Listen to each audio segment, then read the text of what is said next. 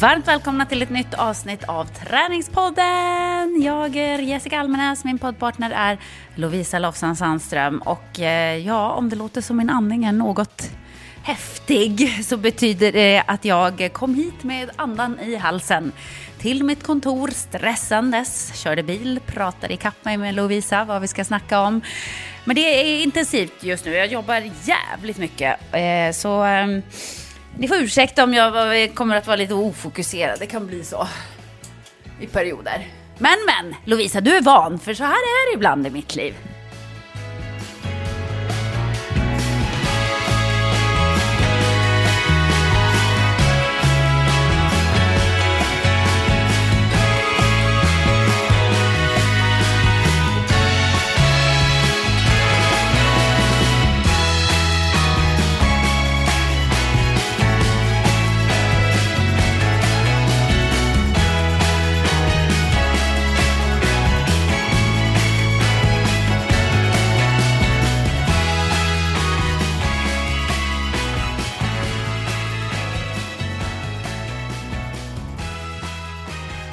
Ja, alltså jag har nästan kommit direkt från sängen. Jag har ätit, Gud vad skönt! jag har ätit en kvarg frukost med en omelett, en rostis och lite varm choklad. Och så har jag krypit ner i poddsängen. Så det blir, det blir lite yin och yang då idag. Ja men verkligen. Vilken är jag då? Vilken är den lugna? Är det yin eller, yin eller yang? Eh, det är väl den svarta som är den eh, lite aggressivare och den vita som är lite mjukare och lugnare. Ja ah, okej, okay. så jag är den svarta då, uppenbarligen. den med mycket energi. Dåren! Uh. Nej men du, eh, jag måste bara fråga dig, har du sett Love is blind? Inte än. Alltså, Va? Ja, men, jag, jag, jag, till mitt försvar, igår kväll så skickade jag in den näst sista uppsatsen i mina heltidsstudier. Och det var som ett tungt ok föll från mina axlar. Jag har en uppsats kvar att skicka in och sen, herregud vad jag ska plöja ikapp. Oj, oj, oj, det måste du göra för att det har ju faktiskt blivit helt sjukt. Alla pratar verkligen om Love is blind. Alltså jag lämnar alltså... rummet. Jag lämnar rummet, jag springer iväg, jag håller för öronen, jag klickar inte på artiklarna. Ingen spoiler, tack! Nej, men du har verkligen eh, ett helgnöje att se fram emot när du får tid att, att plöja. Det, det, är jävligt kul, för att det är ju inte så många tv-program nu för tiden som blir såna här lägereldar. Du vet, som man kommer till fikarummet och alla pratar om det här programmet så som det var mycket mer förr. Alla till exempel när jag pratar. jobbade med Let's Dance så var det ju liksom de första fem, sex åren så pratade ju alla om Let's Dance. Och alla som jag träffade ville prata om Let's Dance och hur det var och vem som åkte ut och sådär. Och det är samma med Love is blind. Alltså det spelar ingen roll om det är unga, gamla, kvinnor, män. alltså alla pratar om Love is blind. Jag vet inte hur det här gick till. Det är ju helt sjukt. Ja. Alltså, och alla skriver, alla pratar och jag lämnar ah. rummet. Jag, jag, vill höra vad de säger, inte om personer utan om, om serien. Men sen så vill jag grotta ner mig i alla karaktärerna. Ja, det är väldigt kul och nu när det här avsnittet släpps så är det ju fredag. Idag har alltså bröllopsavsnittet kommit ut, som många har väntat på. Och är det så att ni har sett det redan, då vet jag att ni väntar på reunion. Den kommer på söndag, så ni behöver inte vänta så länge. Och den eh, herregud alltså, den var intressant att spela in. Det ska gudarna veta. Nu har inte jag sett hur de har klippt det, men eh, att klippa ner allt det där materialet till ungefär en timme, vet fan hur det ska gå till. Eh, jag kan säga att eh, har ni följt serien så ställ klockan på söndag för ni har något att se fram emot. Ja, oh, herregud, herregud.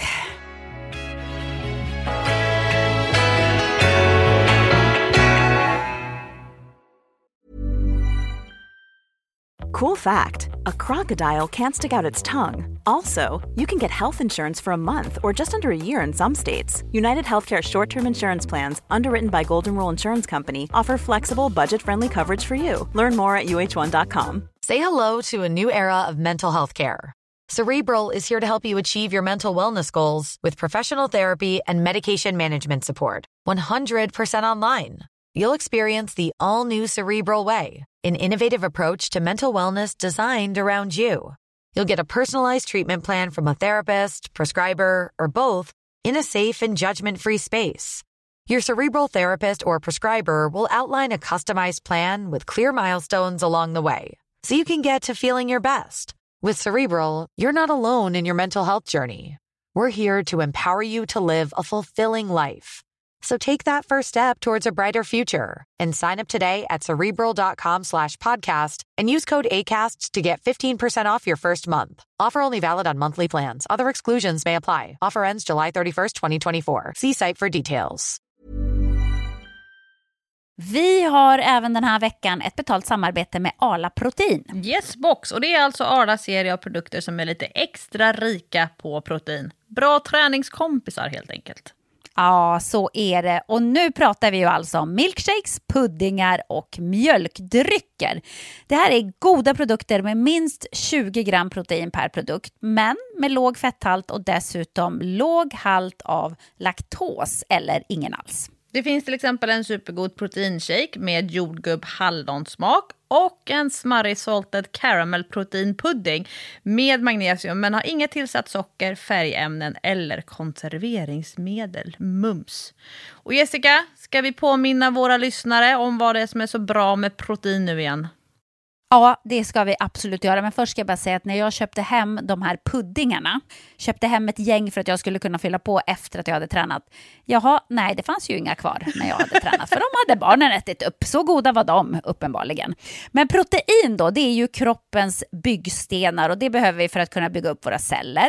Alla människor behöver protein, vare sig man tränar eller inte. Men eftersom muskler huvudsakligen består av protein så är ju protein eh, kanske lite extra i fokus för våra poddlyssnare, det vill säga alla de som tränar. Ja, för tränar man och gymmar mycket så blir det ju så att man bygger mer muskler och då ökar proteinbehovet. Och det här gäller även löpare och andra konditions och uthållighetsidrottare eftersom tuffa pass bryter ner kroppens muskler och då behöver de repareras med protein. Alla som lever helt normala liv och som äter en varierad och balanserad kost, de får ofta i sig den protein som de behöver. Men precis som du säger Lovisa så kan man ju behöva öka mängden protein i sin kost om man tränar mycket eller om man av olika skäl är dålig på att få i sig protein. Men kom ihåg nu, det är inte proteinet som hjälper dig att göra dina burpees eller armhävningar. Det får man faktiskt ta och göra själv. Men Arla Protein hjälper dig innan och efter. Ja, och frågar du mig så är det i serien Arla Protein som man hittar de perfekta mellanmålen för aktiva dagar. Ni kan läsa mer om det här på arla.se arlaprotein. Vi säger stort tack till Arla. Tack Arla Protein! Men du är inne i eh, lite grann av ett blind-bubbla får man säga, men sen håller du på med någonting annat också. Det känns som att du är på många ställen samtidigt, inklusive årets stora happening, förutom 2024 när vi också har OS. Men du har ju varit på Idrottsgalan, Jessica. Ja, precis. Jag, jag har ju varit på Idrottsgalan, jag skulle tro nästan de 20 senaste åren faktiskt. Det var 25-årsjubileum i år. Eh, och jag har varit där väldigt många gånger. Det är en gala som man inte vill missa. Det är väldigt kul för man träffar mycket eh, folk som man inte träffar så ofta. De här idrottsmännen alla bor ju inte i Stockholm och även de som bor i Stockholm träffar man ju inte hela tiden. Men jag har ju lärt känna ganska många genom åren tack vare Superstars, tack vare Let's Dance, tack vare Superstars på hemmaplan.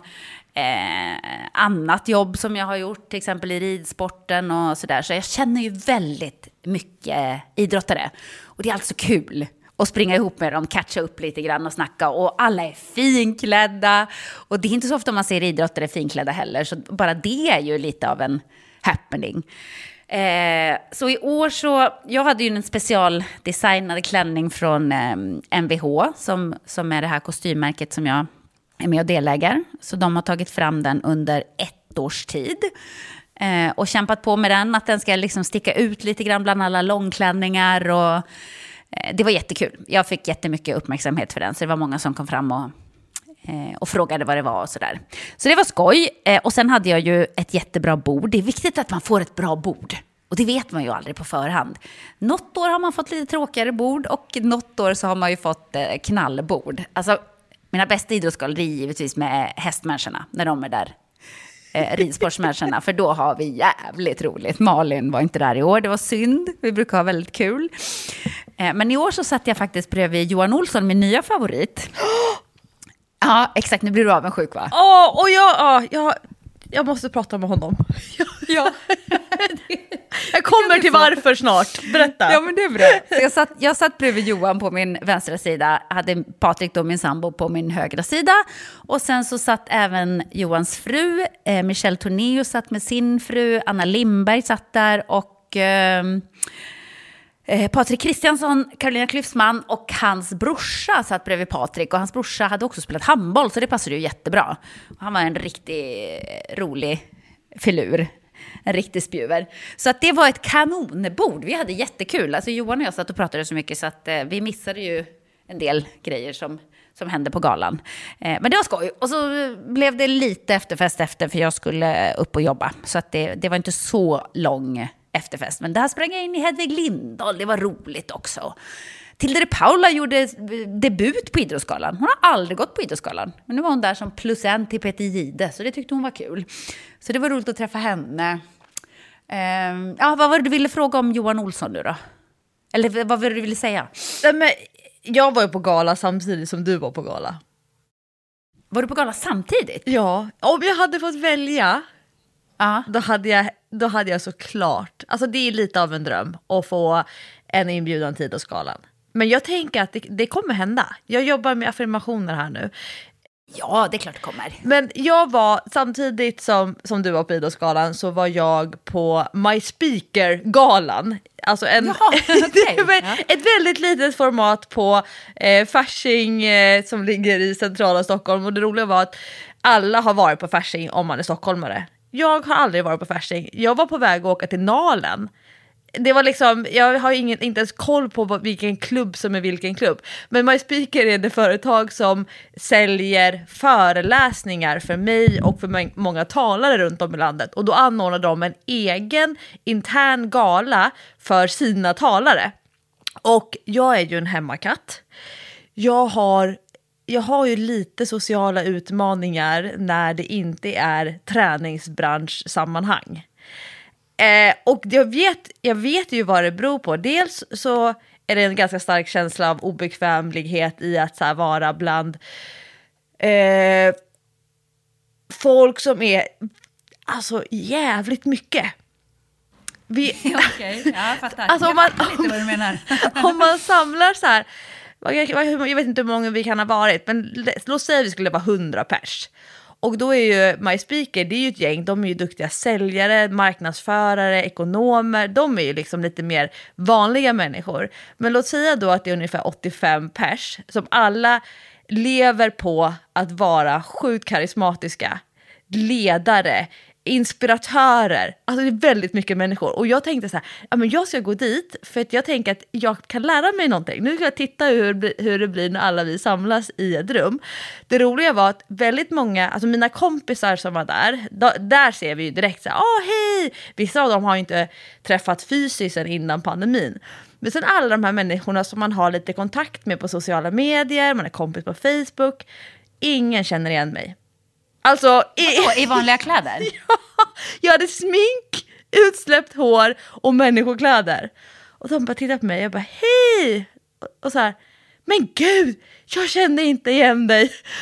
och, då, och den där är ju lite jobbig tycker jag. Är det, är det bra eller dåligt? Alltså, Alltså tar du det som en komplimang eller tar du det som en förolämpning? nej men jag säger nog att eh, de säger, men gud jag kände inte igen dig. Och sen, då, då förklarar jag varför de inte känner igen mig. Men jag gick dit med Annie Lööf eh, och för henne, då sa, för hon, hon träffar ju så sjukt mycket folk i sitt jobb och har gjort det genom åren. Och då pratade vi om så här, men det, Annie det är ingen som förväntar sig att du ska känna igen dem. Men alla känner ju igen dig. Och för mig, jag tar för givet att ingen känner igen mig när det är utanför träningssammanhang. Men sen så är det så här, det är väldigt mycket långa män. Väldigt mycket långa, smala män. Det är väldigt mycket långa kvinnor. Det är väldigt mycket kvinnor med klack. Och då kommer jag. 158,5 centimeter, inga klackar. Jag blir ju väldigt liten i ett sånt här sammanhang. Men Eh, det, var, det, det var en eh, ganska kort intensiv eh, gala. Inte samma kanske stora känslospann som ni hade på Idrottsgalan. Eh, med undantaget att Ida Kjos fick pris som fick årets publikpris eh, för egentligen så här, ja, publiken som har fått rösta och det, när nomineringen lyftes upp då blir jag väldigt hjärtenypen så. Det, då, jag fäller ju en tår. Um, och det var jättefint. Annie, det är alltid roligt när man går på gala och någon eh, eh, där man går med får pris. Och direkt när de typ började läsa upp första ordet på nomineringen, typ mod, eh, och så var det någonting mer, jag bara Annie kommer vinna. Så jag tog upp telefonen, filmade och så fick hon pris eh, som en av årets talare. Och det var ju superroligt. Så då tänkte jag på, samtidigt som jag var på den här galan, så tänkte jag så här, åh, undrar vilka som är på eh, galan. Jag ville inte vara en sån, alltså på eran gala, jag vill inte vara en sån som står med telefonen och scrollar samtidigt som man är i ett sånt offentligt sammanhang. Så jag kunde inte se vilka som vann under tiden. Och vilka som satt med vilka och jag gjorde det minglet. Men förutom då, det har varit så enormt sociala två senaste veckorna, så har jag varit på massa på Bosön. Och då håller jag också på med massa fystester. Och ett av de fystesterna är att man ska köra stakmaskin. Så mm. nu håller jag på att titta jättemycket för Johan Olsson lägger upp så här stakmaskins teknikfilmer. Vad man ska ah. tänka på, eh, hur man ska jobba med tekniken, det här med välja motstånd. Och stakmaskin för mig är ett hyfsat nytt påfund. Alltså roddmaskinen tror jag att fler människor har en relation till på gymmet. Stakmaskinen är ju en ganska ny grej att det finns på de flesta stora gymmen. Många som har Jag har den... inte ens vågat prova. Nej, För att jag vet inte riktigt hur man gör. Så jag är såhär, nej jag törs inte testa. Exakt! Och i de här fysgrenarna, eh, ja, det roliga är att första gången som jag gjorde det här, då var det eh, två år sedan. Ett test är inget test. Då gör man det för att förstå hur det går till. Ett år senare, två test, det är ett test. För då kan man ändå se liksom att det är, det är ett år emellan. Och då kan man ju testa och jämföra med hur det var ett år tidigare. Tre test nu, ja, då börjar man se mönster.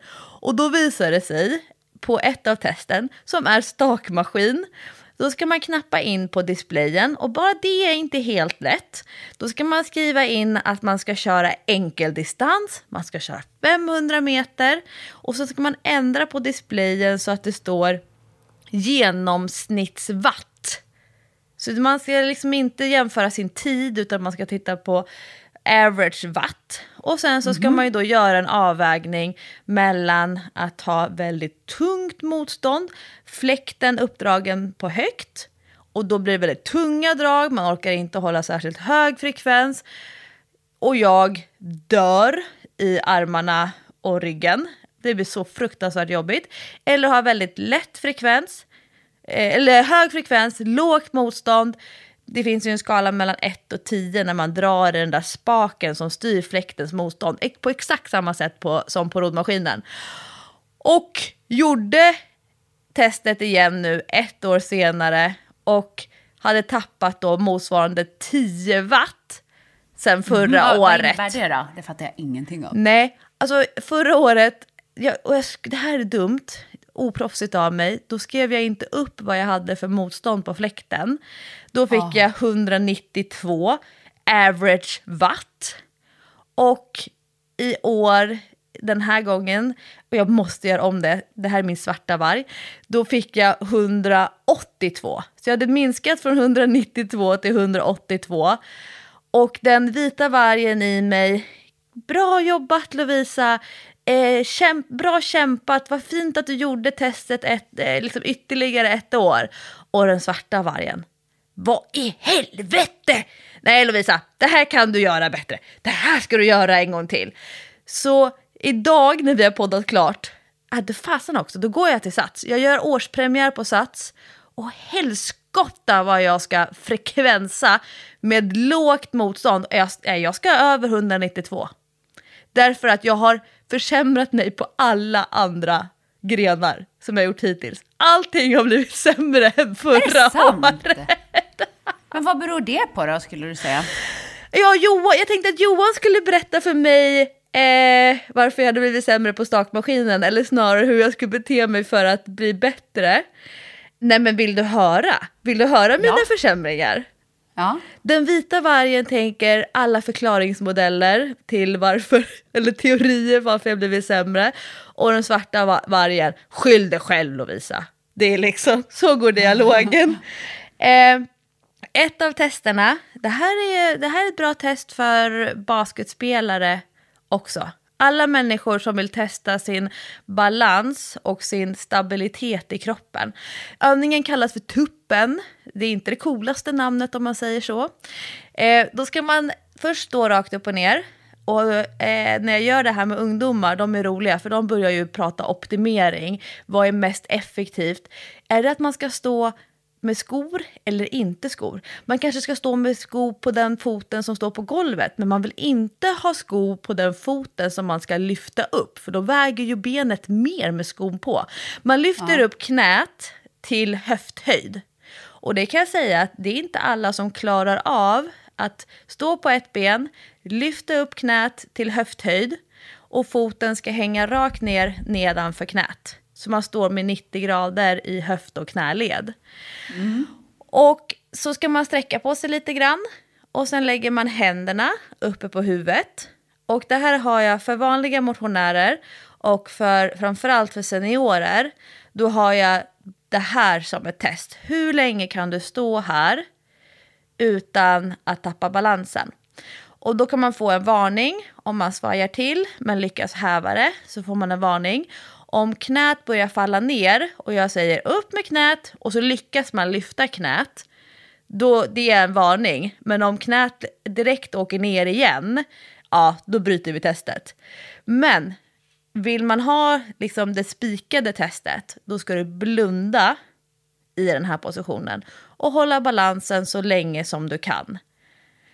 Det Klart, låter som en superstarstävling nästan. ja verkligen. Det, det här är något vi hade kunnat köra, typ. Och jag kan säga, den här blundande varianten, de allra flesta klarar ungefär 5-7 sekunder.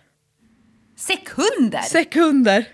Skämtar du? Men nu, nu kommer alla prova det här. Ja, jag ska definitivt testa när vi har poddat klart. För två år sedan, då klarade jag 36 sekunder på vänster och 45 sekunder på höger. Eh, för ett år sedan, då klarade jag 45 sekunder på vänster, 38 sekunder på höger, så det blev, blev ju då lite sämre på höger. Och sen så nu i år, 49 sekunder på vänster, 34 sekunder på höger. Och Oj. det finns en maxtid på två minuter. Kan du stå och blunda i två minuter då behöver du inte stå ännu längre för då har du liksom maxat testet. Det är som Ja, i beep-test att man faktiskt klarar tills bandet är slut på Mm. den här ljudslingan. Eh, rak planka, armbåge under axel, eh, stå på tå. Jag har för eh, seniorer och mina yngsta ungdomar, de får stå på knä. Eh, maxtid tre minuter. Den klarar jag fortfarande två år senare. Max alltså. Då får man, det är ingen idé att stå längre än tre minuter. Nej, okej. Sen är det max tre minuters vila. Och sen är det sidoplanka på vänster armbåge. Mina seniorer och mina yngsta ungdomar de får stå med foten bakom kroppen nere på knä. Eh, den övre handen ska vara på höften. Och du ska verkligen stå i sträckt läge. Många ställer ju rumpan bakom kroppen. Att man fäller lite grann i höften. Eh, för ett år sedan då klarade jag maxtid tre minuter. I år två minuter på vänster. På höger sida förra året tre minuter. I år två minuter och tio sekunder. Eh, chins. För två år sedan, det här är strikta pull-ups, handflatorna framåt, du får inte lyfta benen, du får inte pendla någonting, du får inte ta någon fart. För två år sedan 11, för ett år sedan 17 och i år på Bosön 8. Oj! Ja, det, var, det var ganska stor försämring. Åh gud! Åh, jag, måste, jag måste träna lite mer. Eh, hängande benlyft, då ska man hänga... Just det, variant, förlåt. Det är typ ingen som klarar chins av vanliga motionärer. Så på chins, då kan man om man vill antingen bestämma sig för att köra med ett gummiband och avlasta lite grann. Bara man använder samma gummiband när man gör testet igen. Ett test, inget test, två test, ett test, tre test är ett mönster. Eh, man kan också välja att eh, vrida till supinerat läge, handflatorna bakåt, klättrar upp och placerar hakan ovanför räcket. Och så tar man tid, hur länge kan man hänga där uppe med hakan ovanför? Så kör man timer på den istället. Den, och vi hade, det hade vi som eh, eh, senior Eh, och yngsta ungdomarna. Fast de skulle hänga med handflatorna framåt för att det är mer likt den position som man vill ha i kanot. Då. Men jag tycker det kanske är elever i skolan som får göra de här fystesterna. De får hänga med handflatorna mot sig, supinerat grepp. Eh, ofta. Det är många ungdomar som gör det här i skolan. Hängande benlyft. Tårna hela vägen upp till räcket. Man får inte sparka fart bakåt. Eh, benen behöver inte vara helt raka, för det är ganska många som inte har rörlighet för. Men om de är lite böjda så ska de vara böjda hela tiden. Eh, 13 för två år sedan, 14 för ett år sedan, 4. så, Oj! ja, nej men... Vad ja, hänt? Ja, så är det. Eh, dips. Fria dips. Ja, det är ju typ en av de mest skaderiskfyllda övningarna tycker jag med kroppsvikt. Eh, 23 för två år sedan. 29 för ett år sedan. 12. Och löpning. Den varianten av Cooper-test som är 3000 meter. Det finns ju lite olika Cooper-test. Det klassiska, riktiga Cooper-testet, då ska alla springa 12 minuter. Och så mäter man hur lång sträcka man kommer på 12 minuter.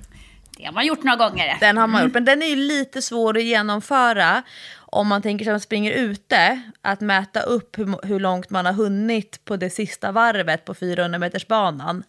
Ehm, så jag tror att det vanliga numera, det är att man springer en färdig sträcka. Att man, eh, vi har, jag jobbar med att de yngre ungdomarna, de eh, ska springa två kilometer, 2000 meter. Och eh, Eh, äldre ungdomar, vanliga motionärer och våra seniorer, jag tycker mina seniorer, 3000 meter.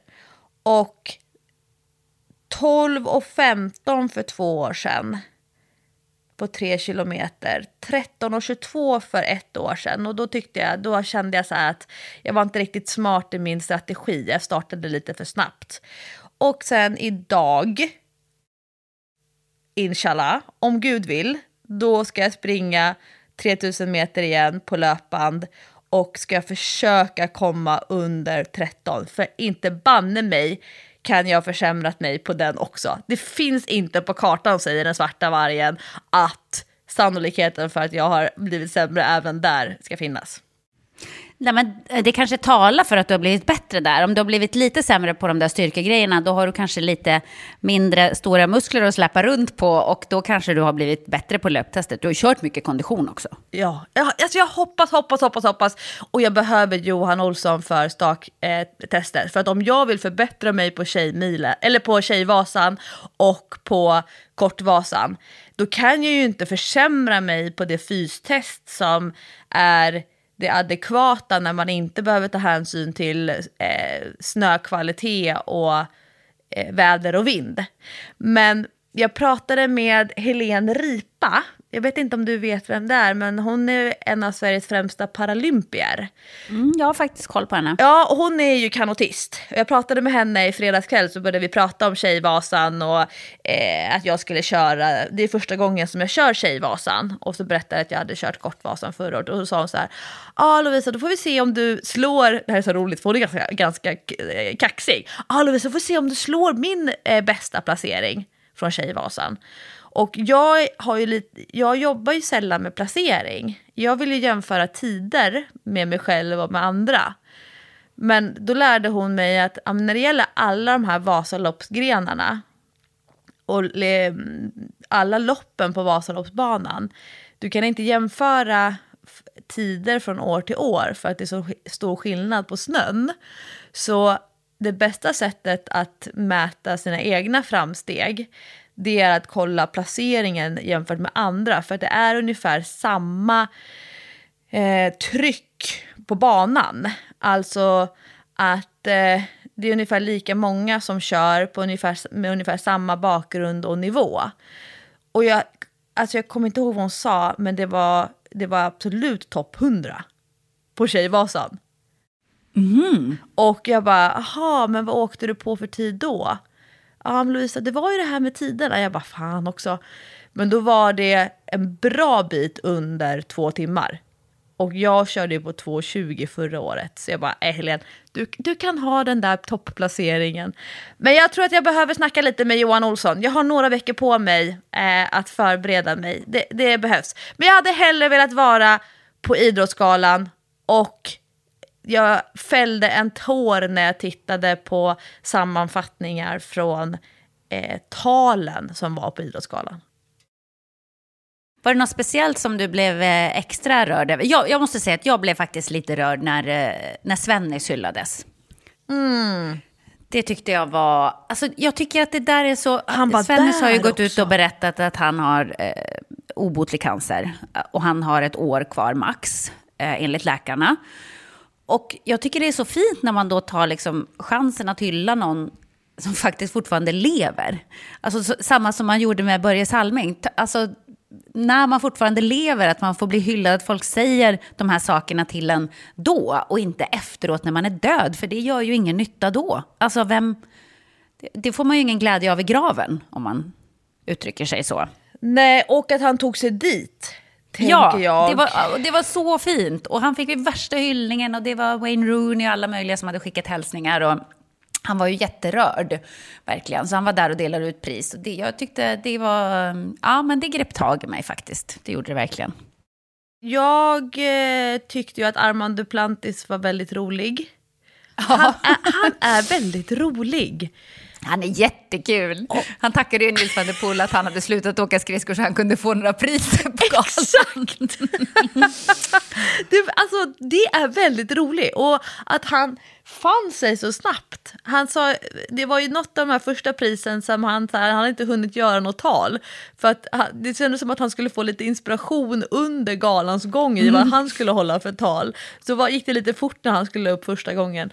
Men, men jag har följt eh, din, en av dina bekanta, Måns Möller, mm. eh, väldigt länge. Jag tyckte att eh, jag tyckte det var jätteintressant när han skulle köra världens längsta Vasalopp.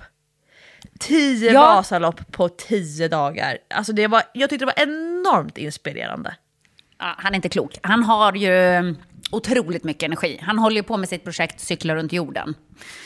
Jag tror inte att han har så långt kvar innan han har cyklat runt hela jorden. Alltså han gör det i olika etapper då, om man säger. Men han är... Eh, han är en otrolig person, verkligen. Vi har ju rest jorden runt tillsammans. Jag ska säga att han är mer än en bekant. Vi känner varandra bättre än man kanske vill Men känna. Men just det, han är ju med på... Hallå, den glömde jag bort. Mm, jag vet. Så vi, vi uh, har ju faktiskt hängt tillsammans i 40 dagar i sträck. Så. Åh oh, herregud. Ja. Ni två tillsammans i ett sånt projekt. Jag kan se hur era hjärnor ballar ur.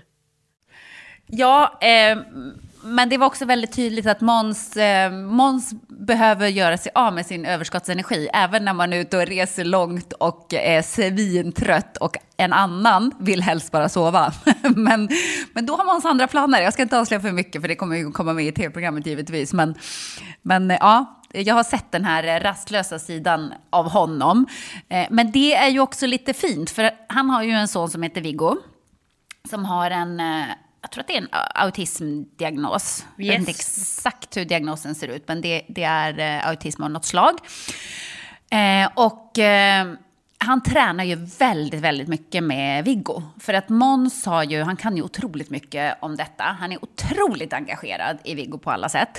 Och han har ju insett att barn som har den här typen av diagnos, de behöver mer än andra eh, fysisk aktivitet. Alltså för de behöver, de mår väldigt bra av det. De får ut mycket av eh, den här rastlösheten, extra energin, det hjälper dem att hitta fokus, de får de här eh, dopaminkickarna och så vidare. Så det är väldigt viktigt för dem med, med fysisk aktivitet. Så han eh, går ju verkligen in för att eh, göra det tillsammans med Viggo. Det tycker jag är väldigt, väldigt härligt. Du vet, han kan vara mitt uppe i en intensiv jobbperiod jobba hur mycket som helst, alltså dygnet runt och flyga hit och dit och bara, ah, men nu ska jag dit och nu ska jag dit. Ah, den här helgen kan jag inte, för nu har jag lovat Viggo, jag ska åka upp dit och åka skidor. Han går, Viggo går skola i Dalarna tror jag. Ah, jag ska åka skidor och det är jävligt viktigt för honom, så att jag måste åka dit och åka skidor. Men måste du ha 12 timmar över liksom. Och sen så går du in och jobbar dygnet runt i tre veckor igen. Ja, men nu har jag lovat det så nu ska jag dit och åka skidor. Ja. Så han, han tar väldigt eh, allvarligt på det. Eh, men de fick ju ta emot ett pris och det var ju fint. Ja, och eh, eh bakgrunden till Måns stora engagemang i det här med barn och idrott och olika typer av eh, NPF-diagnoser den bygger ju på att Viggo inte fick vara med. Mm. Att han ville gå på idrott, han ville gå på en sport och han fick inte vara med. Och eh, jag tror jag läste någonstans någon gång att Måns, han sa det så bra, att, att liksom ett av Viggos största funktionshinder, det är att det inte syns att han, här, att han är funktionshindrad. Mm. Eh, och att möta alla de fördomar som finns kring både barn, ungdomar och vuxna med funktionshinder. Och det som de jobbar med, som ju liksom har blivit eh, Måns stora hjärtefråga, det är ju att alla barn som har funktionsnedsättning, de ska kunna få vara med i ett idrottssammanhang. För väldigt många av de här barnen inkluderas inte i de här sociala sammanhangen. Man kanske eh, har väldigt stor benägenhet att bli hemmasittare, att föräldrarna får dra ett enormt tungt lass för att stimulera barnen med relationer och liknande. Man kanske bor på korttidsboende perioder och så vidare. Och Viggo Foundation då som ju Måns lägger väldigt mycket tid på och framförallt försöker få in pengar. Det handlar ju om att kunna erbjuda olika typer av aktiviteter. Lära sig simma, lära sig cykla, få uppleva friluftsliv, åka längdskidor. Eh, enormt för människor runt omkring tungdragna projekt. Men med det viktigaste budskapet och det här var som det sista som sades på scenen när Måns och Viggo står på scenen så säger Viggo alla får vara med. Ja, så och vet, jag bölar, jag bölar och bölar och bölar. Det där är ju en av mina hjärtefrågor. Alla får vara med. Och man får vara med utifrån det som man vill vara med på, på det sättet som man vill vara med på. Och äh, du vet, jag, jag blev väldigt, väldigt berörd. Och Viggo ska ju nu åka Vasaloppet 45. Halva Vasaloppet är målet. I mitten av vecka 9 kommer han stå på startlinjen. Han har med sig supportteam. Han ska samla in pengar. Uh, nej men jag tror han fixar det. Jag tror att han fixar det. Och det ska, det ska bli så kul att följa. Han tränar som ett djur. Han tränar och tränar och tränar och tränar för att klara det här. Ja, det var min så här, mitt hjärta bara oh, när jag tittade på det. Nej men han är ju grym. Och grejen var att Mons och Viggo skulle egentligen sitta vid mitt bord på galan. Men eh, så, så satt de inte där och så var jag så här, vad hände nu liksom? Så skrev jag till Måns, vad, vad, gillar du inte mig eller bytte du bord? Han bara, nej, eh, men, men jag, jag satt bakom scenen och åt glass med Viggo, det var hans krav för att gå på galan. så det skulle jag också kunna ställa som krav. Ja, det var jättekul. Det var hans krav för att hänga med, att de fick sitta där bak och käka glass istället för att sitta ute bland folk på någon tråkig trerättersmiddag. Ja. Nej, men det, jag, tyck, jag tycker att det är väldigt inspirerande. Armand Duplantis i ena änden, Ebba Andersson, Eh, Nej men Ebba måste vi säga några ord om. Oh.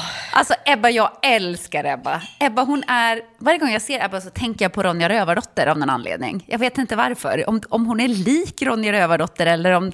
Men det är någonting med henne som bara, men gud, det är Ronja Rövardotter. Hon är så söt. Eh, och när hon fick Jerringpriset, Alltså såg du hennes blick? Har du tittat på det här i efterhand? B eh, nej, berätta. För hon, hon, hon, var inte på plats. Så hon var med på video från Schweiz, tror jag de var på, på något läger. Och så stod mellan henne och Duplantis. Då. En av dem skulle vinna och, äh, och Duplantis var ju på galan. Och så har de de två liksom i en splitbild eh, och så säger de då att den som vinner är Ebba Andersson. Alltså hennes blick, hon såg så chockad ut. Och hon var så här, what the fuck är det som händer? Nej, men det var det sjukaste, den var så talande. Och hon, hon fattade verkligen ingenting. Hon bara, ja, som ni ser, jag var inte beredd på att få det här priset. Hon satte någon tjocktröja där på. Nej, hon var så chockad och det var så fint tyckte jag. För det blev så äkta liksom, att det var ingen spelad förvåning utan det var verkligen så här, eh, va? Jag? Nej men alltså, va? Det var väl 2008 senast som längdåkning fick och då var det Charlotte Kalla. Ja, och eh, tydligen så var det ju inga längdåkare nominerade den här, det här året eh, på galan. Och då läste jag någon krönika i tidningen att det här var liksom svenska folkets sätt att visa vi vill ha våra längdåkare, ge dem priser. Oh. um, ja, nej, det, var, det tyckte jag var lite mysigt. Och Duplantis har ju fått så mycket priser. Så att, och det är samma med Sara Sjöström, hon fick ju ta emot eh, Årets kvinnliga idrottare. Och hon var så här, nu får ni sluta ge mig priser, jag har inte plats. Så hon har ju också fått en del priser kan man säga. Jag fick upp eh, i mitt flöde nu, här kommer ett litet tips. Eh, en organisation som eh, passade på att göra eh, reklam för ett poddavsnitt som de hade. Det här vände sig till högstadieelever som på temat eh, eh, karriär och så här vuxenliv där de intervjuar olika typer av personer om deras jobb. Och då är det helt enkelt ett, alltså, typ om att, pra, att praoa. Och då finns det ett poddavsnitt som är typ att praoa som elitidrottare. Där de intervjuar då Sara Sjöström på en högstadienivås eller högstadieelevsnivå om jobbet som elitidrottare. Så, mm. och det, så fanns det så studiematerial till så att man kunde liksom ha diskussioner om ja, olika typer av yrken och så vidare. Så jag ska måste leta upp det där poddavsnittet. Ja, men det, det borde du göra. Vad kul.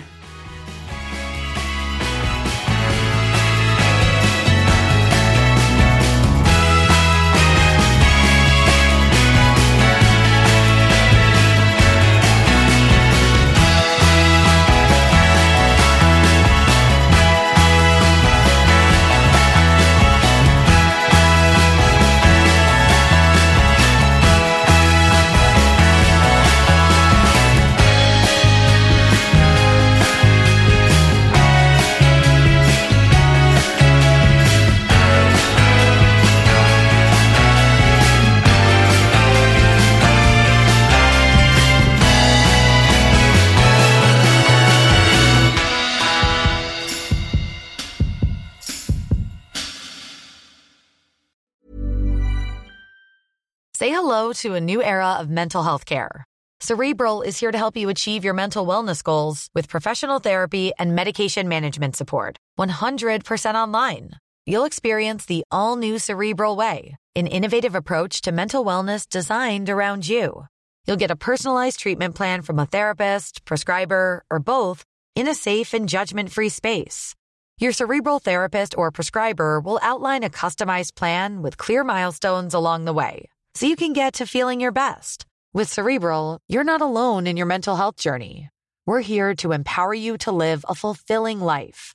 So take that first step towards a brighter future and sign up today at cerebral.com slash podcast and use code ACasts to get 15% off your first month. Offer only valid on monthly plans. Other exclusions may apply. Offer ends July 31st, 2024. See site for details. Cool fact a crocodile can't stick out its tongue. Also, you can get health insurance for a month or just under a year in some states. United Healthcare short term insurance plans, underwritten by Golden Rule Insurance Company, offer flexible, budget friendly coverage for you. Learn more at uh1.com. En annan grej är att jag eh, faktiskt idag ska träffa Johan Olsson igen. Hmm. Inte bara Johan, men vi ska faktiskt ta smygtitt på de två första Superstars-avsnitten. Wow. Det ska bli jätte, jättekul. Jag har faktiskt tjuvtittat redan, men jag tycker ändå att det där är roligt. Eh, och det är en knallsäsong av Superstars. Alltså det är verkligen en supersäsong. Och om du ska göra som du brukar, att du ska testa alla tävlingar, då kommer du få jobba. För det är så mycket tävlingar. Alltså, de, det är 18 episoder. Och de tävlar och tävlar och tävlar och tävlar. Att de överlevde de här tre och en halv veckorna, det, det är för mig en gåta. Men eh, ja, så det ska bli jätte, jättekul att se vad, vad, deltagarna tycker om programmen. Det är ju alltid väldigt spännande, för de har ju ingen aning om hur de blir klippta heller. Jag gör alltid, för, för alla mina PT-kunder och för mig själv och för de eh, ungdomar som är coachar, då gör jag så ett dokument som är personens eget dokument. Och sen så skriver jag upp alla typer av tester som vi gör genom alla år. Och så skriver jag datum och år och så vidare. Och så fylls det på hela tiden. Så att har jag en klient som har tränat med mig väldigt länge, då finns det ju väldigt många olika typer av tester. Man kan ju ha standard, knäböj, marklyft, bänkpress, chins och sådär. Men där kan också så här, tuppen stå med. Eh, jag har ju också börjat använda en gren som jag tror att jag skulle vilja få in i Superstars, där man eh, ska få in en pingisboll Alltså det här, ska jag, det här ska jag skicka till Superstars. Man ska stå i plankan. Vet du vad en booster... Du, du kan skicka det till mig för jag är med och håller på med tävlingarna. Oh, och du är han som gör de där tävlingsgrenarna. Ja, Krulle, min uh, kompis. Lite sjuk i huvudet tror jag att han är.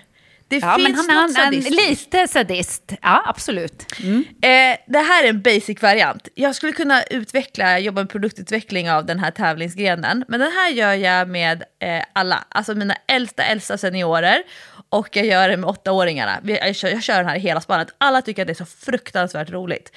Då tar man en sån här bosuboll, en sån här halv pilatesboll som har en hård platta som bottenplatta. Vet du vad jag menar för träningsredskap? Nej, vänta vadå? En halv? Pilatesboll.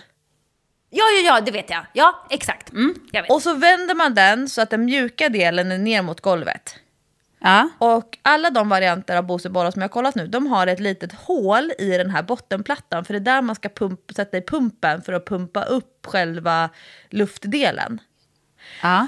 Och så ställer man sig i planka. Du får välja själv eh, regler. Antingen så sätter du händerna som om du ska göra armhävning, att du har handflatorna uppe på den här bottenplattan. Ja. Eller så greppar du runt så att du liksom stabiliserar mer ute i sidled.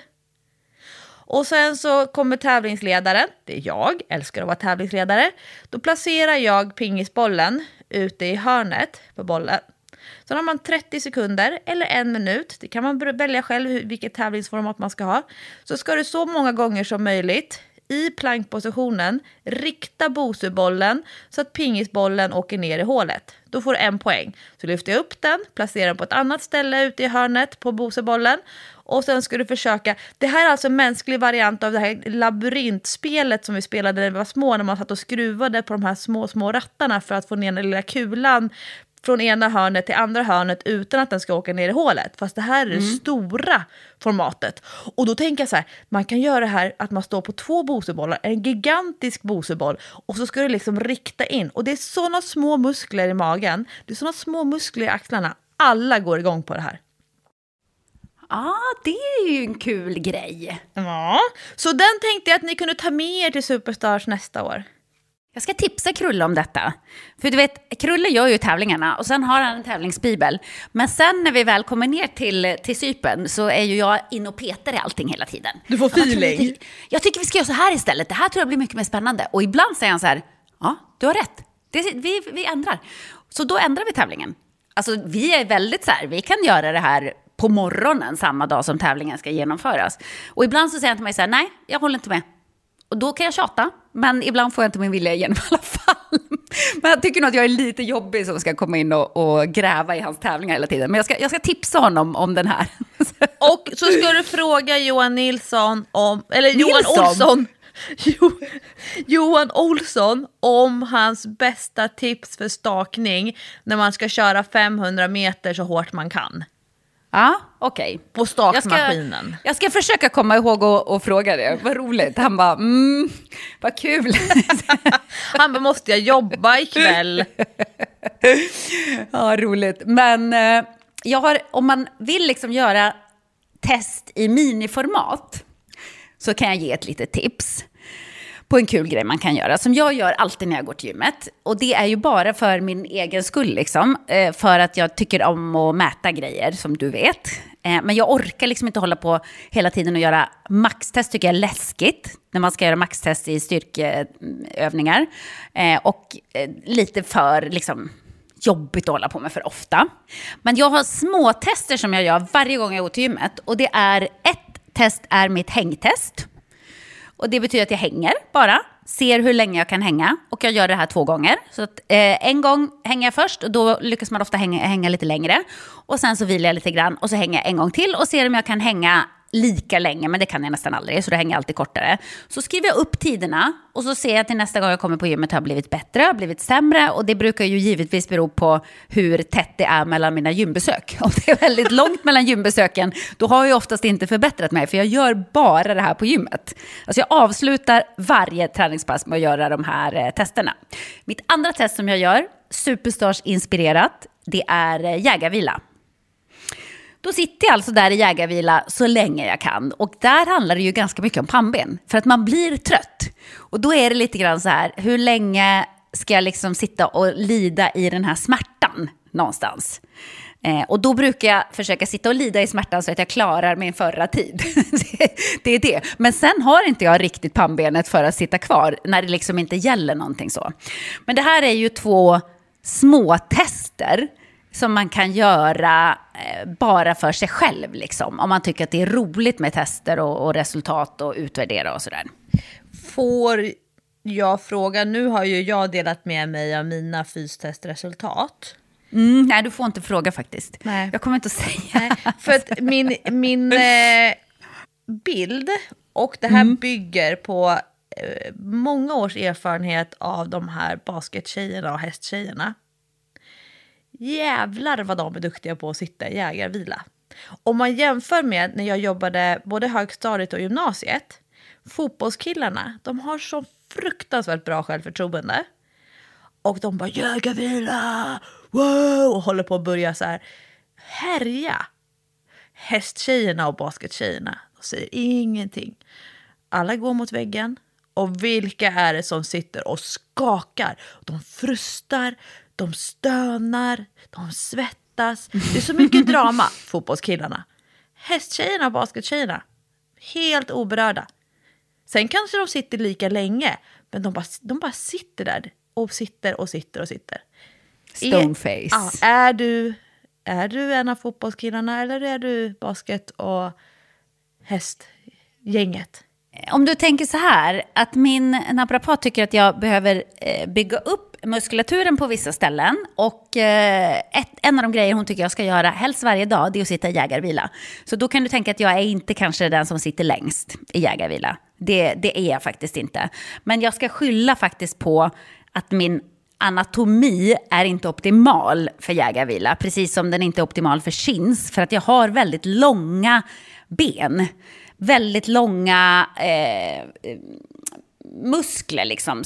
ganska smala, långa smala muskler, långa smala ben. Så att det är lite jobbigare för mig att sitta i jägarvila än det är om man har väldigt korta ben. Förstår du vad jag menar? Ja, hävstångseffekten. Men, men, men, har du någonting som du tycker så här, för dig själv, så här, en, en, eh, som, är, som är, är din lägsta nivå, som du vill kunna göra eh, klara av när som helst oavsett hur mycket du har varit på gymmet.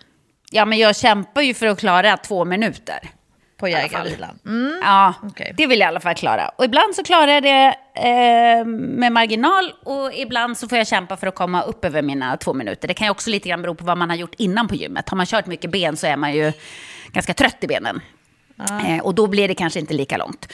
Men, eh, men du vet, eh, jag har ju lärt mig under många år i Superstars, för vi har ju alltid med jägarvilan. Att de som är absolut bäst på jägarvila, det är ju eh, alpinisterna. Alltså de som håller på med alpinsport. Skidåkarna, helt enkelt. Alltså de är...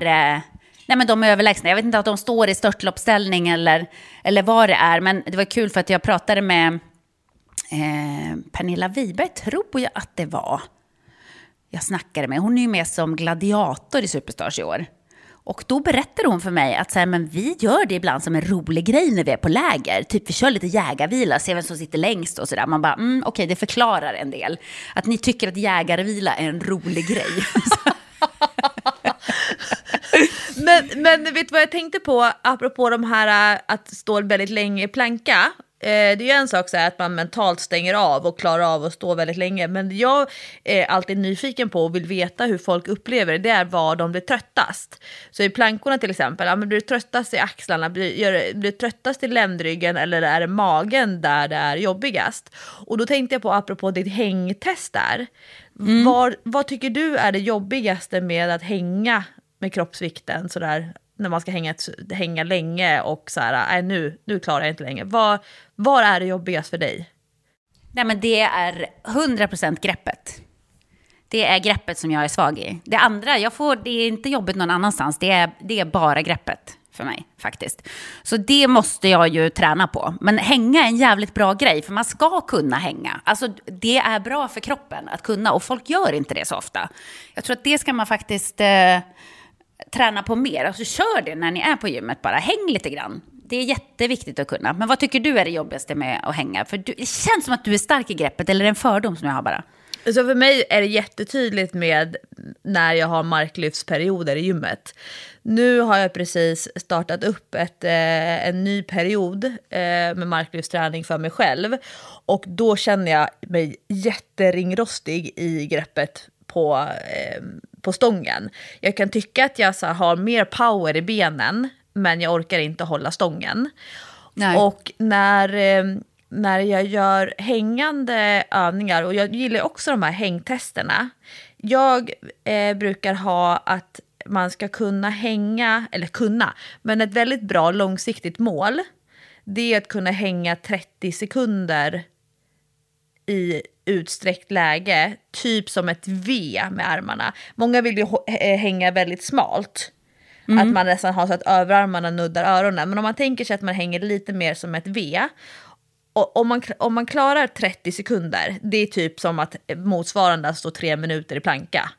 Alltså då, mm. då behöver man inte träna på att hänga i sig, sen, alltså bara kroppsvikten, då kan man ju liksom göra massa andra hängande övningar.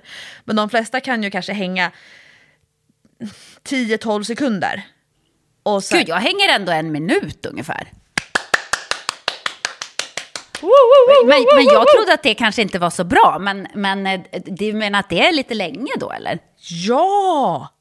Ja! Aha. Det är skitbra. Okay. Gud, för jag var så här, gud mitt grepp är så, fast jag, jag är ju van att jämföra mig med de här superstars-människorna. Så jag tittar ju på deras resultat i sådana här hänggrejer och bara, ah, nej men en minut är nog inte så bra. Det, ja, nej men alltså 10-12 sekunder, det är ungefär vad folk kan hänga. Och eh, ett problem som folk har, det är att de nyper eh, huden i, i handflatan. Mm -hmm. eh, och en del eh, håller så hårt, man ska ju greppa hårt, man kan ju inte hänga och slappna av. Utan, men om att de greppar så hårt så att de, det är liksom, när man ska veckla ut händerna sen efteråt, då, gör, då verkar det typ. Eh, jag tycker nog ofta att hänga är väldigt jobbigt i axlarna och skulderbladen. Men det är ju för att jag är så stel i den här positionen med armarna över huvudet. Så det är ju en fruktansvärt hård belastad stretch för mig. Så jag skulle nog säga att det är nästan tuffast i skulderbladen att hänga så där länge. Men sen gillar jag flytande magnesium och jag gillar också, om det är lite tunnare räcke som man ska hänga i, så gillar jag när det är tejpat.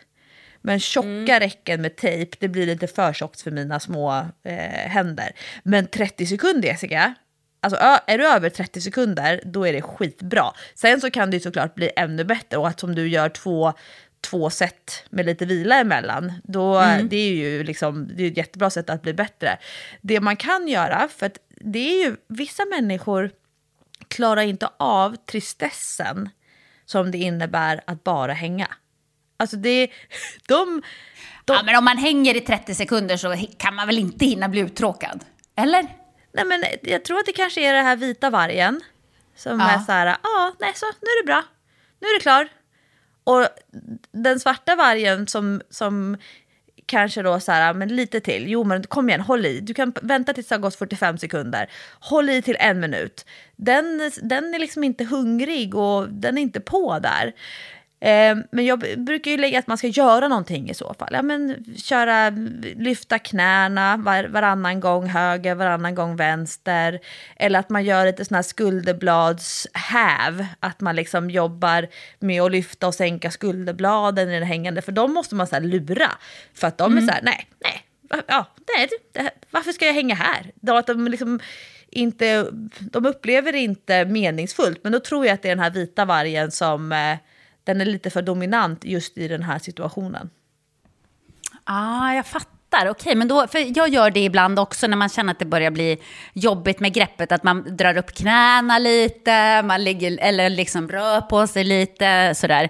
Eh, och det är ju för att eh, tänka på något annat än eh, smärtan i händerna. Det är så här, jag glider, jag glider, jag glider. Det, det är mitt stora problem, att jag glider liksom. Jag orkar inte hålla fast med handen.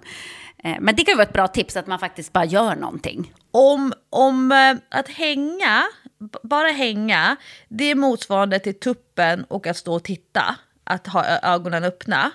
Mm. Eh, och motsvarande då i hängande övning, att blunda på tuppen, det är ju att försöka hänga med en arm. Då kommer du ner till typ 5 oh, till 7 sekunder. Och det som du får hålla handen hur du vill, om du vill hålla den supinerat eller pronerat, alltså framåt eller bakåt, eller bakåt eller framåt. Eh, men det som händer där, de flesta behöver träna först med tårna i någonting, lite grann, att de kan stötta lite, lite, lite. Men det som kommer hända är att man börjar snurra. Man börjar rotera. Mm -hmm. Men eh, det kan vara för den personen som inte har mental uthållighet att träna häng till 30 sekunder, ja, men försök hålla det hängande i en arm 7 sekunder. Shit vad svårt, nu ska jag testa en arm. Jag har ju en känsla av att min eh, skadade höger axel kommer inte att hänga speciellt många sekunder, men vänsterarmen kanske jag kan hänga ganska länge i. Ja, men jag tänkte på det med din axel, det är imponerande att du kan hänga i den eftersom du ändå har den här eh, eh, lite skeva eh, positionen för din, ja. ditt skulderblad och axelled.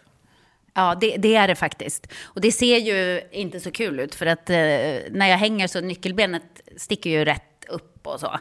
Eh, så att det ser lite läskigt ut, men det går faktiskt ganska bra. Jag tror det är viktigt att jag gör sån där träning.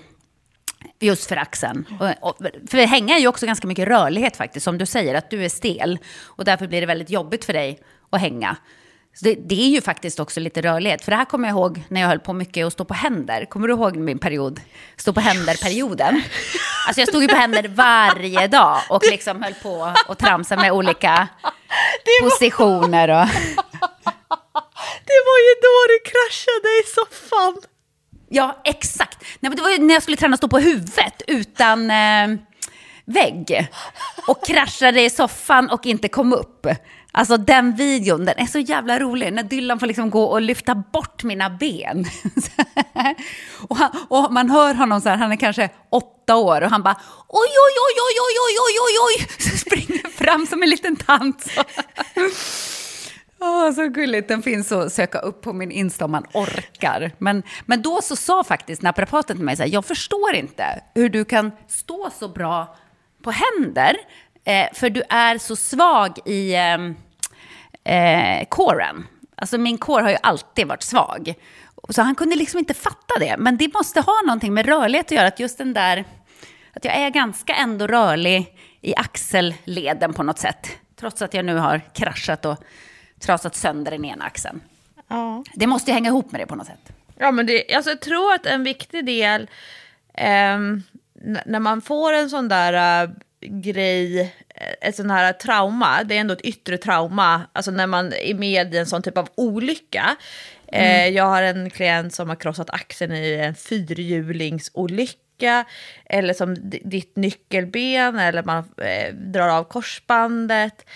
Att perioden efter och de kommande åren efter ett sån typ av trauma göra så gott man kan utifrån de förutsättningar man har för att fortsätta jobba med den delen av kroppen.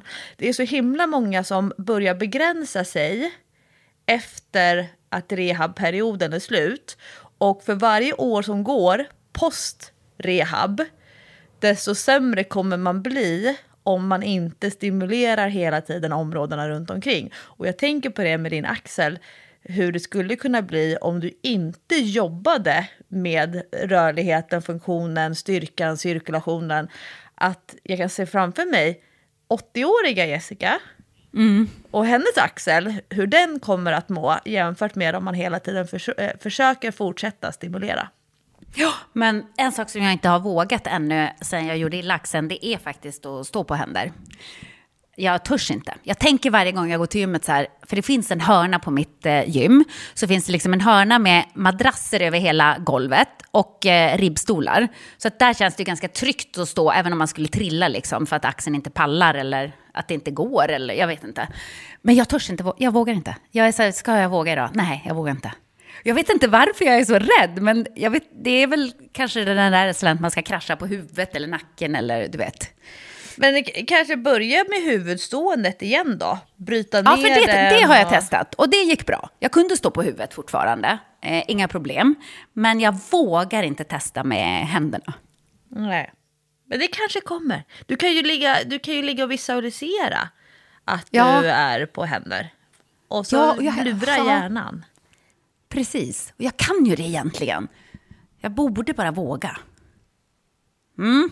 Det, det får bli eh, ett annat mål. Men ehm, vad ska vi säga att vi hade för tema på Träningspodden idag? Det blev lite tester, helt enkelt.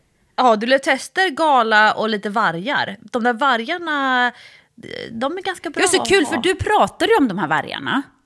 Ja. Och det sjuka är att Johan Olsson då, som också fick vara lite tema eh, i Träningspodden idag, han har ju också pratat om de där vargarna. Har han? Ja, har du, har du, nej du kanske inte har sett det på hans Insta, det var ett tag sedan, det var innan jul någon gång, som han la ut och, och beskrev de här vargarna, hur de funkar i, när man tänker och bla bla bla. Är de vargarna Och då tänkte jag så här, trendiga? var har jag hört det här? Jag bara, nej, det är ju Lovisa som har pratat om det här. Men sen så kom jag på att det här har säkert Johan eh, plockat upp från eh, Stig Wiklund som är eh, mental tränare. Känner du till honom? Nej?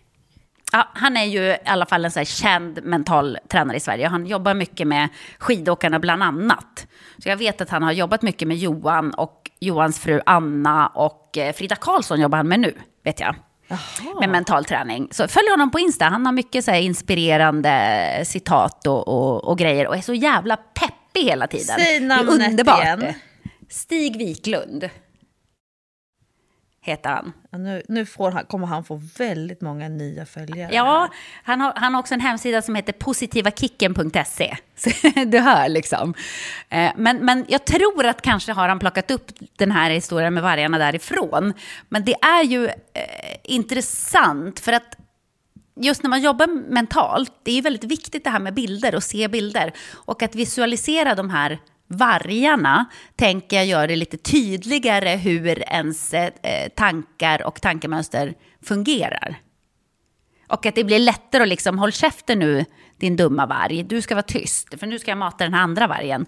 Du vet där du pratade om att det handlar om vilken varg man matar. Ja, exakt. Och jag, och jag, jag har tänkt ganska mycket på de här vargarna. Jag, alltså jag tror att de här vargarna har blivit trendiga och kanske att det hänger ihop med den här tren- trenden back to basic och det evolutionära i oss. Det här uh, ute på eh, täppan, eller steppen, vad heter det? Mm, mm, steppen. Tepp, Ja. steppen. Eh, och jag tänkt på det där när vi, när vi, efter att vi pratade om den här svarta och vita vargen eh, och vi- vilken man matar och så, så drog jag en koppling till den här Trenden vi har nu. Vi har haft den några år.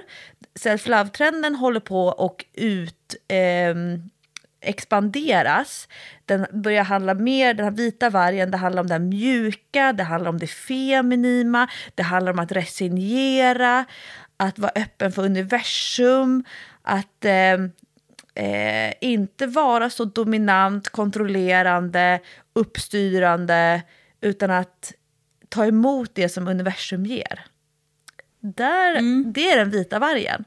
Och då har jag tänkt på ja, men den här svarta vargen, hur den ändå kommer att behöva vara relevant på så sätt att den svarta vargen ska ha en förmåga att fatta när han eller hon, för mig är den svart, båda de här vargarna är svarta för mig, um, eller svarta, de är inte, bo, en vit, båda är herrar.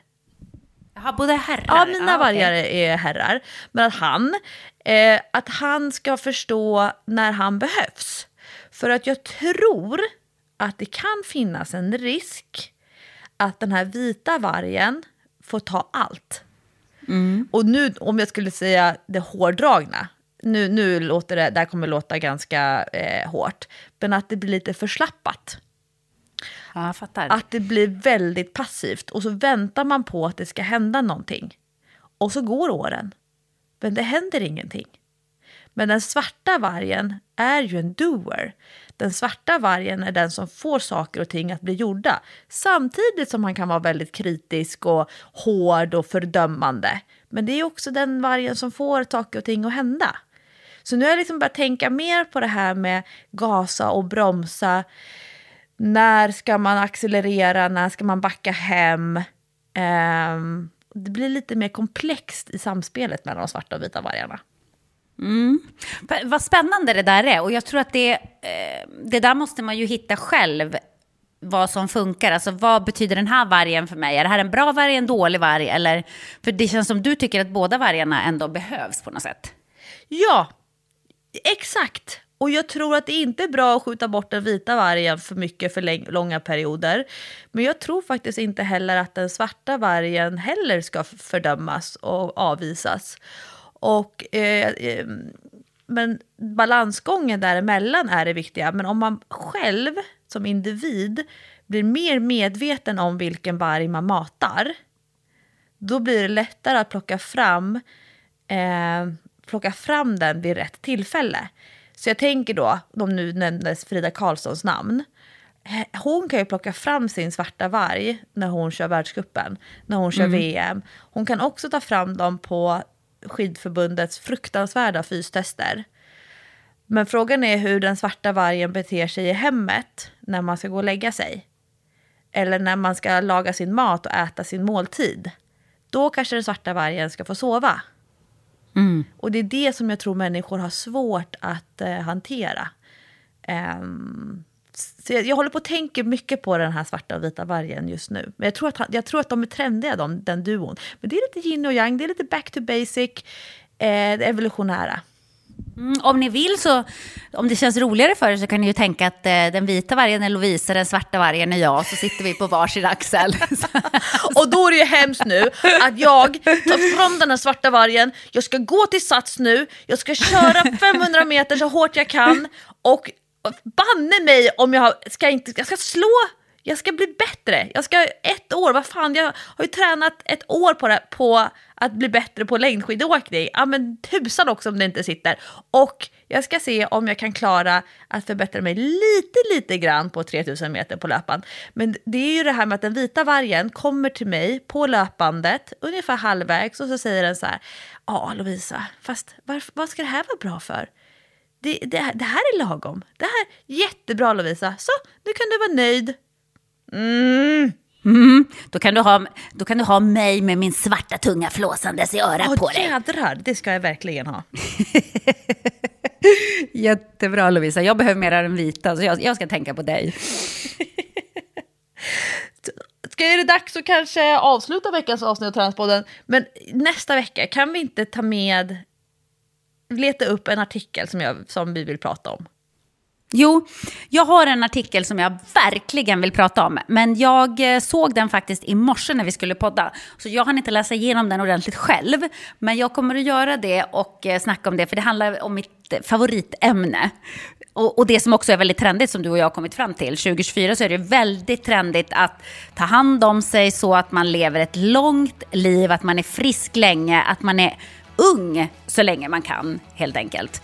Eh, och det, det var det lite fokus på här. Och det är mitt absoluta favoritämne att prata om. Så att jag kommer inte att kunna låta bli att prata om den nästa vecka.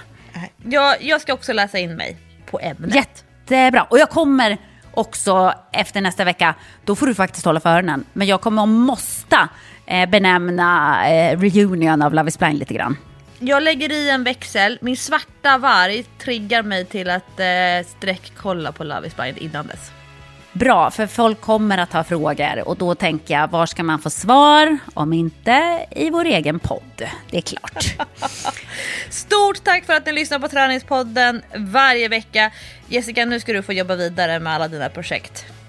Ja, nu är det rätt in i nästa möte och skriva manus. Så eh, puss och kram alla lyssnare, vi hörs om en vecka. Puss och kram!